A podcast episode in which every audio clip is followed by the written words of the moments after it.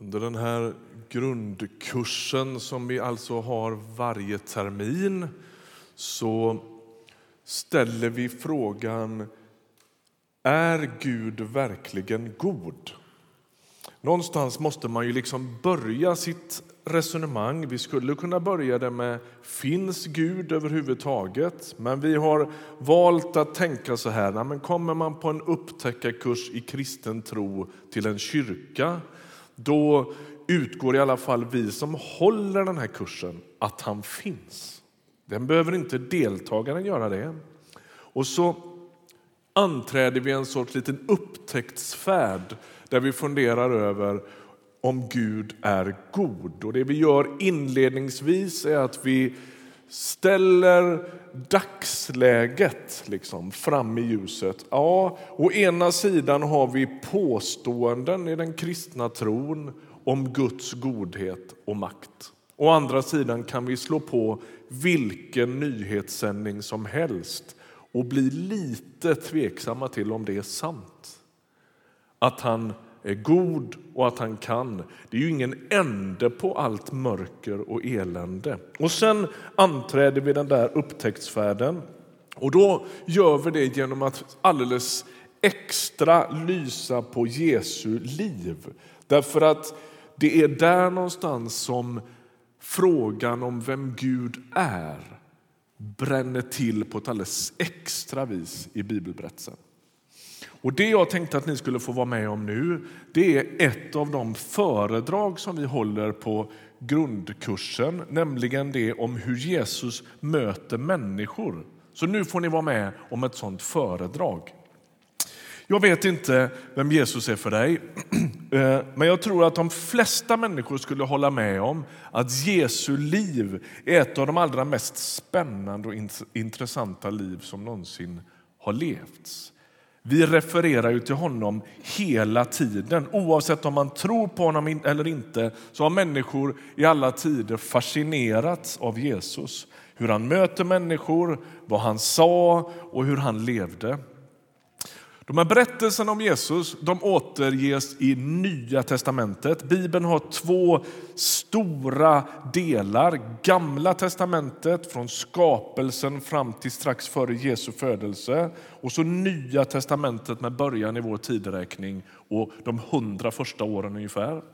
Nya testamentet inleds med fyra olika ögonvittnesskildringar om vem Jesus är. Matteus, Markus, Lukas och Johannes längst fram i Nya testamentet om du skulle bli sugen på att läsa.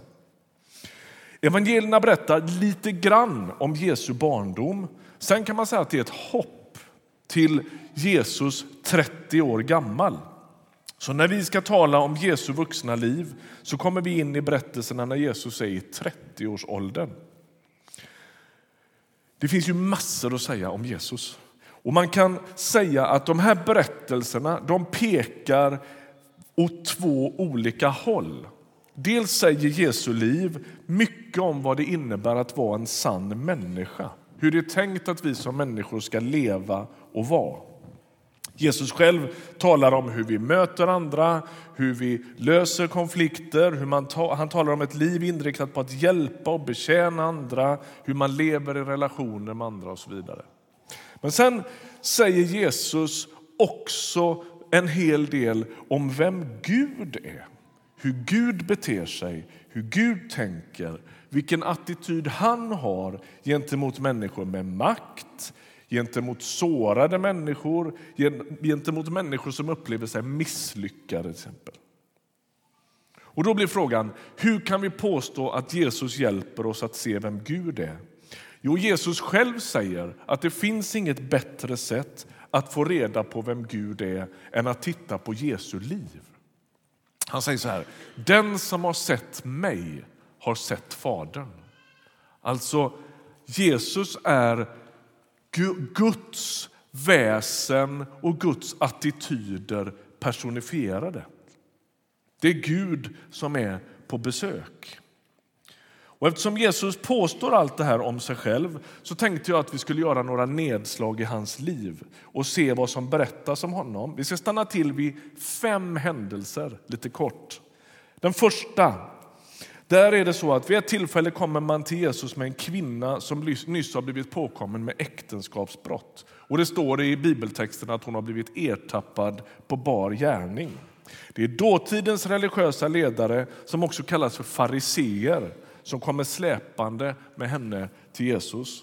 De läser ur den gamla judiska lagen för Jesus och så önskar de att han ska bestämma om hon ska stenas för sitt brott. De religiösa ledarnas drivkraft är att de vill sätta dit Jesus för det här och liksom ställa honom. Det som är intressant att notera i den här berättelsen det är ju att det står att kvinnan ertappas på bar gärning med äktenskapsbrott. Men det finns ingen man som blir framsläpad. Som vanligt. Det är en utsatt kvinna, pressad, trängd av de religiösa ledarna. Och då säger Jesus så här. Den av er som är fri från synd ska kasta första stenen på henne.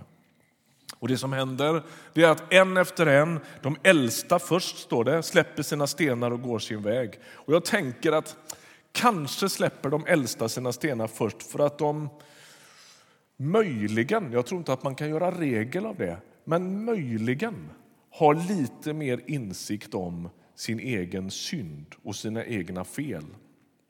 Det är min erfarenhet att jag får större insikt om min egen otillräcklighet och behov av hjälp ju äldre jag blir. Och så säger Jesus till kvinnan, inte heller jag dömer dig. Gå nu och synda inte mer. Vid ett annat tillfälle, den andra berättelsen, så undervisar Jesus i ett hem och då kommer några män dit bärandes på sin lame vän. Det är fullt med folk och enda sättet att nå fram till Jesus är att lossa några takpannor och fira ner mannen genom taket så att han landar mitt framför Jesus. Och Jesu respons på det här är väldigt märklig. Vi ska titta på ett filmklipp nu så ska ni få se hur Jesus möter den här mannen och den här situationen. Varsågoda. It is like a mustard seed, which a man took and sowed in his field. The smallest seed in the world. Yet, when planted,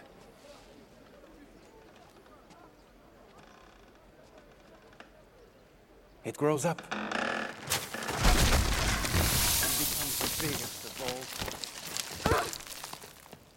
It becomes a tree where birds can come He's paralyzed. and make their nests.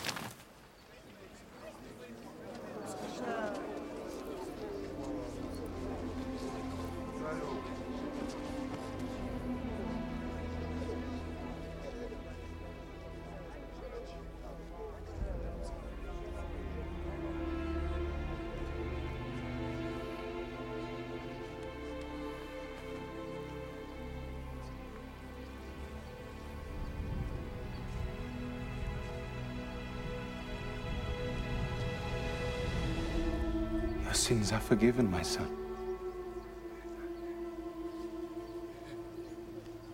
Did you hear that? He has forgiven his sins. I thought only God could do that. Isn't that blasphemy?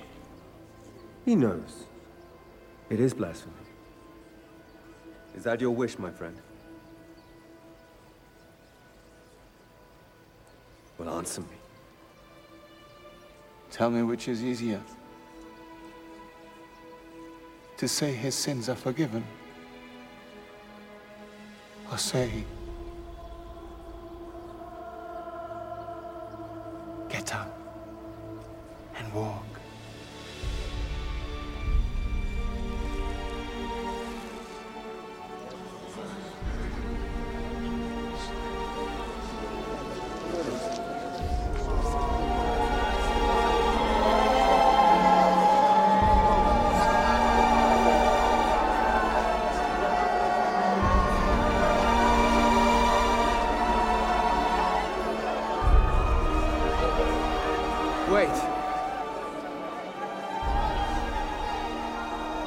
The Son of Man has authority to forgive sins.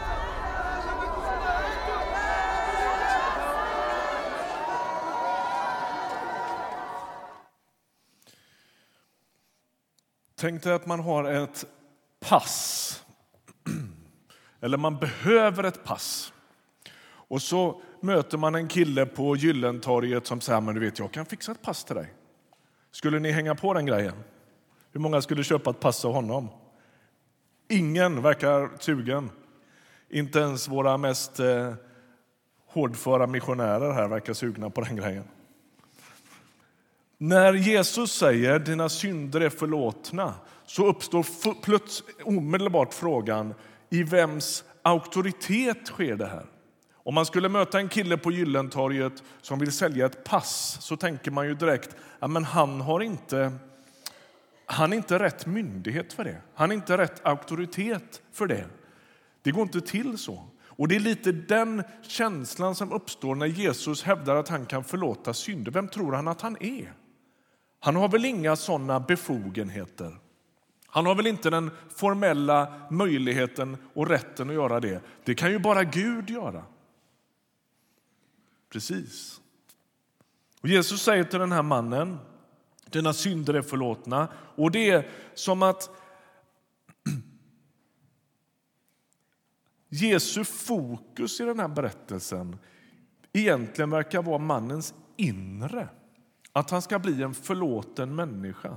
Men det slutar med att han för att stryka under att han har den här auktoriteten också botar honom så att han kan gå. Undret att han plötsligt går sker som ett tecken på undret att han har blivit förlåten. Tredje berättelsen.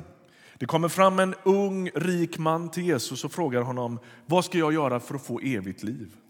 Och det där med evigt liv, i någon form har vi uttryckt det i alla tider. Meningen med livet, evigt liv. Um, hur ska jag finna frid? Hur man än uttrycker det där så är det inte så konstigt att han frågar det. Då säger Jesus till honom, håll budorden.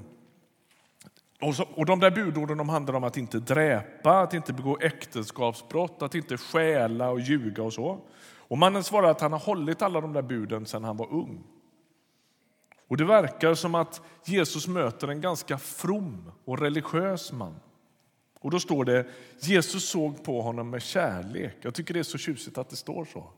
Han såg på honom med kärlek. Han slänger inte ut den här utmaningen lite slarvigt utan han ser på mannen med kärlek och säger ett fattas dig. Gå och sälj allt du har och ge åt de fattiga. Då får du en skatt i himlen. Kom sedan och följ mig. Den här berättelsen är ganska sorglig därför att den slutar med att mannen vänder på klacken och går därifrån. Han äger mycket, står det.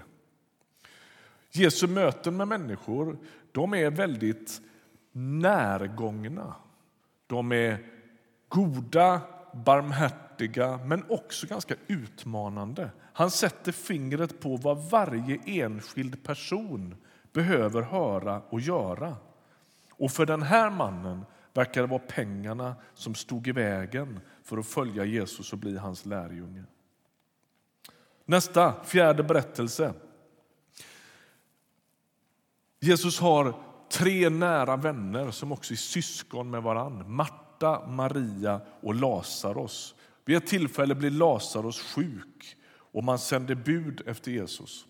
Jesus dröjer, står det i texten. Och efter att ha fått budet att, Jesus, att, att Lazarus är död så dröjer det två dagar innan han agerar. Och när han väl kommer fram till Betania, som byn heter där de här syskonen bor, då har Lazarus redan dött. De har hunnit begrava honom. Han har legat i graven i fyra dagar.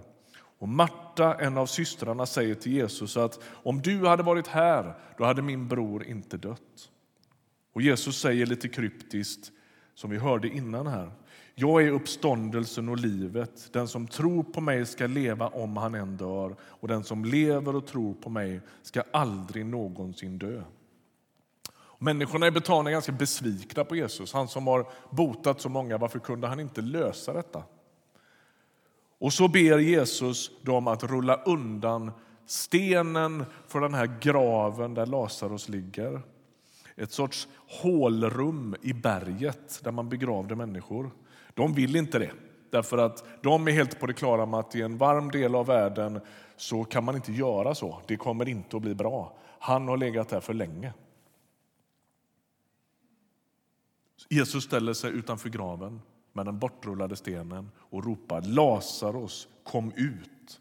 Och så växer Lazarus upp ifrån de döda.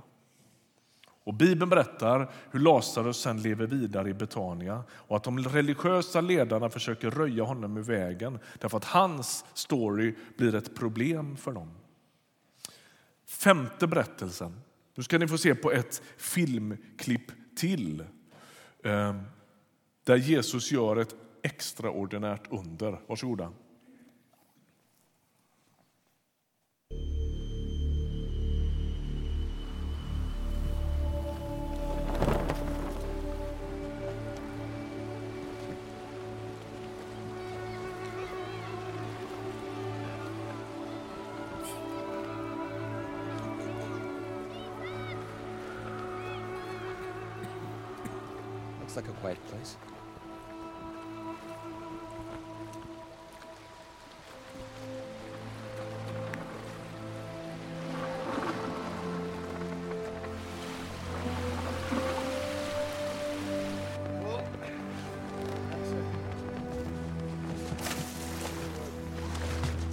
It off.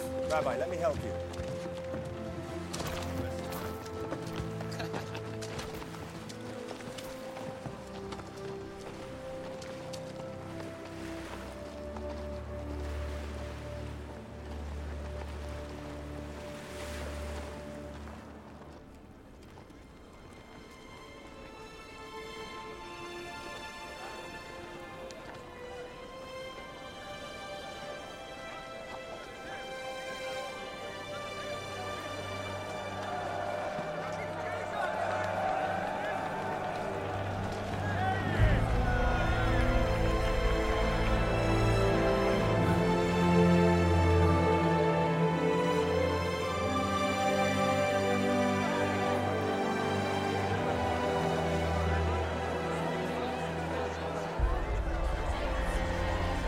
Come a long way. It's late. They say they're hungry. Give them food. But how? We have nothing. Just a few fish and some bread. Bring them to me.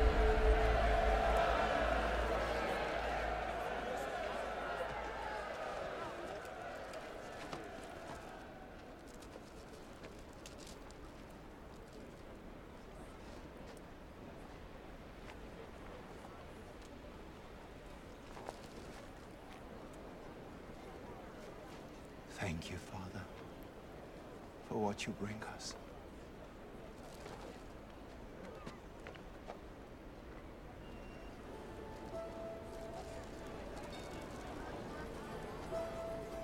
Our Father in heaven feeds the birds of the air. How much more will he give to you?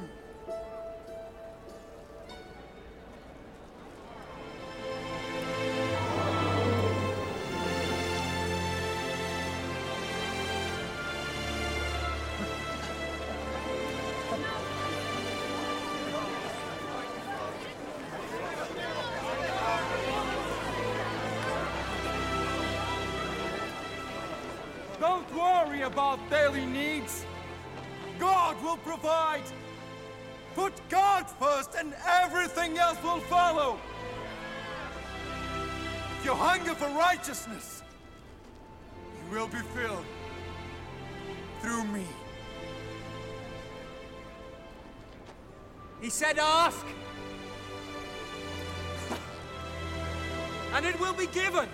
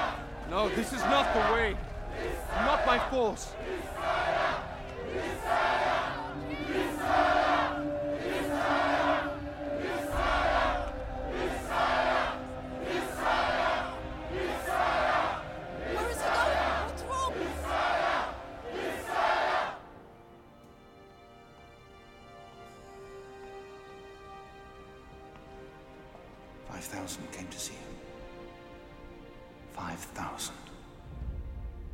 Now they shout Messiah.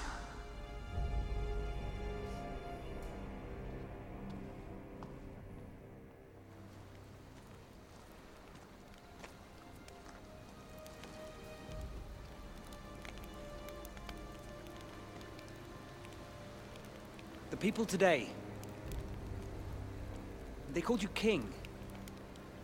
They think you are a messiah. Seem to ignore them.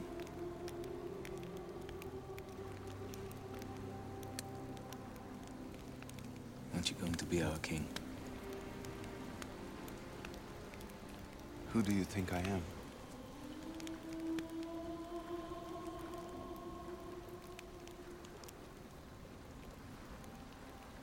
You are the Son of God.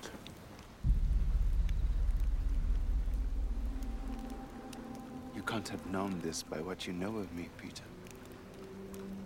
It has been revealed to you by God. You are Peter, and on this rock I will build my church.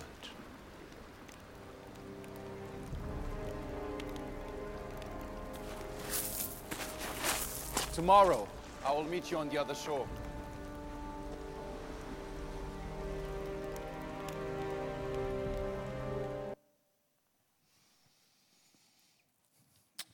Okej, det här var fem berättelser om vad Jesus gör i mötet med människor. Och en fråga som hela tiden finns med är, vem är Jesus egentligen? I klippet här ser vi hur folket kallar Jesus för Messias och hur han blev väldigt bekymrad över det.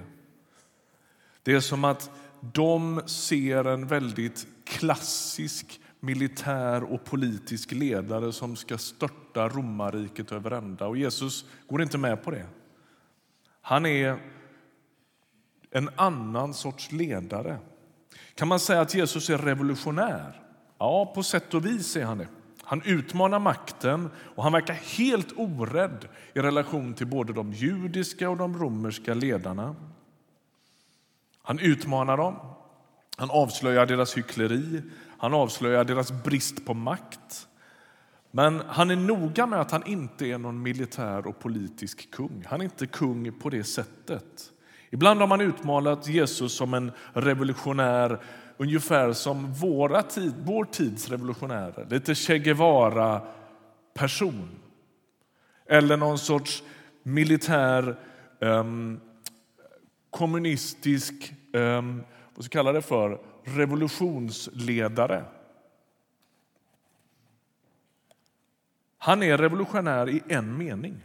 Både romare och judiska ledare uppfattar nog honom ändå som någon sorts hot mot de rådande ordningarna.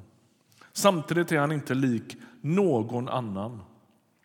Avslutningsvis idag, gång på gång berättas det i evangelierna om hur människor kommer i Jesu väg. Och om man ska koka ner det till vad det är han säger till de här människorna så möter han dem väldigt olika beroende på om de kommer i arrogans eller om de kommer i brutenhet. Men alla får egentligen höra en och samma sak, nämligen kom och följ mig.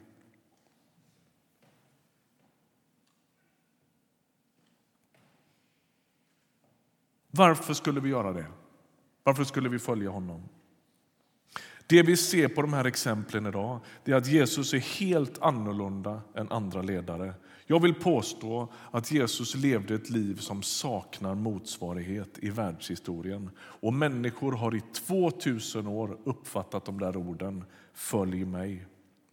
Jag inledde dagens föredrag med att säga att Jesu liv pekar åt två håll. Två bilder. Han lever ett sant, äkta mänskligt liv, men han berättar också någonting för oss om hur Gud relaterar till människan. Det är som om Gud klivit in i den trasiga världen och hans ärende är att bota, hela, ge upprättelse till trasiga människor och att uppmana oss att sen göra likadant.